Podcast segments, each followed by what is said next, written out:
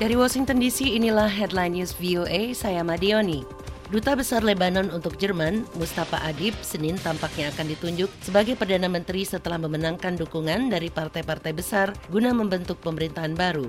Pemerintah tengah menghadapi krisis keuangan yang melumpuhkan serta dampak ledakan pelabuhan Beirut.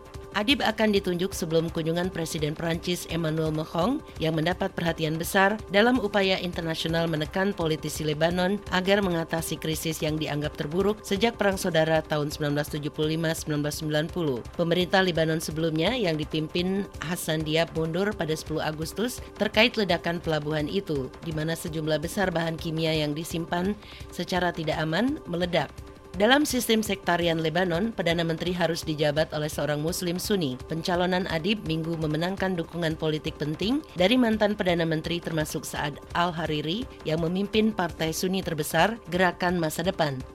Amerika berencana mengurangi jumlah pasukannya di Irak, kata Presiden Donald Trump dan pejabat Amerika lainnya. Trump Sabtu mencuit Amerika berencana untuk memangkas kehadiran militernya di Irak tanpa merinci lebih jauh. Cuitan Presiden di Twitter itu menyertakan tautan sebuah artikel yang melaporkan bahwa pasukan Amerika di wilayah tersebut akan berkurang dari 5.200 menjadi 3.500, angka yang pertama kali dilaporkan oleh harian The Wall Street Journal. Pejabat militer Amerika juga telah mengkonfirmasi rencana pengurangan pasukan Amerika di Irak. Kita mengurangi jumlah pasukan karena kemampuan Irak mengalahkan sisa-sisa ISIS dan mencegah kembangkitannya membaik, kata juru bicara Pentagon, Komandan Jessica L. McNulty. Setiap pengurangan pasukan Amerika di Irak akan ditentukan melalui koordinasi yang cermat dengan pemerintah Irak, serta dengan koalisi kita dan mitra NATO, serta sesuai kepentingan keamanan bersama kita dan kemajuan dalam kampanye melawan ISIS, kata McNulty dalam pernyataan kepada VOA.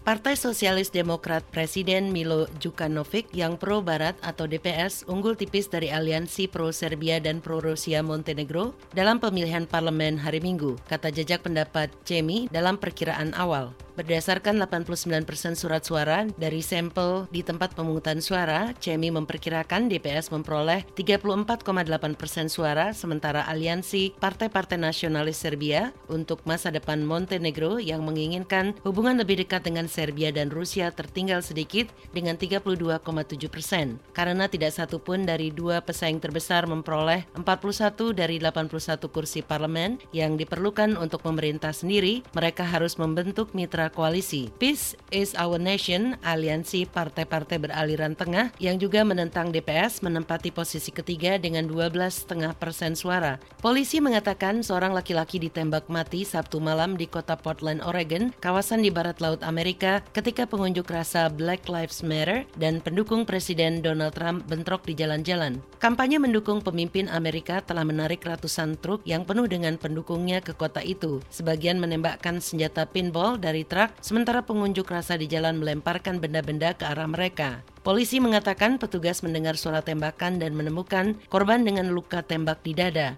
Petugas medis datang dan menyatakan korban telah meninggal. Minggu pagi, Kepala Polisi Portland, Chuck Lovell mengatakan kekerasan ini sama sekali tidak bisa diterima dan pihaknya berupaya menemukan dan menangkap yang bertanggung jawab. Para saksi mata mengatakan laki-laki kulit putih yang tewas itu memakai topi dengan lencana Patriot Prayer, kelompok sayap kanan yang berbasis di Portland yang sebelumnya bentrok dengan pengunjuk rasa. India telah mencatat rekor 78.761 kasus virus corona dalam 24 jam terakhir, lonjakan satu hari terburuk di dunia, sementara pemerintah terus melonggarkan pembatasan pandemi secara nasional. Kementerian Kesehatan pada hari Minggu juga melaporkan 948 kematian dalam 24 jam terakhir, menjadikan total kematian menjadi 63.498.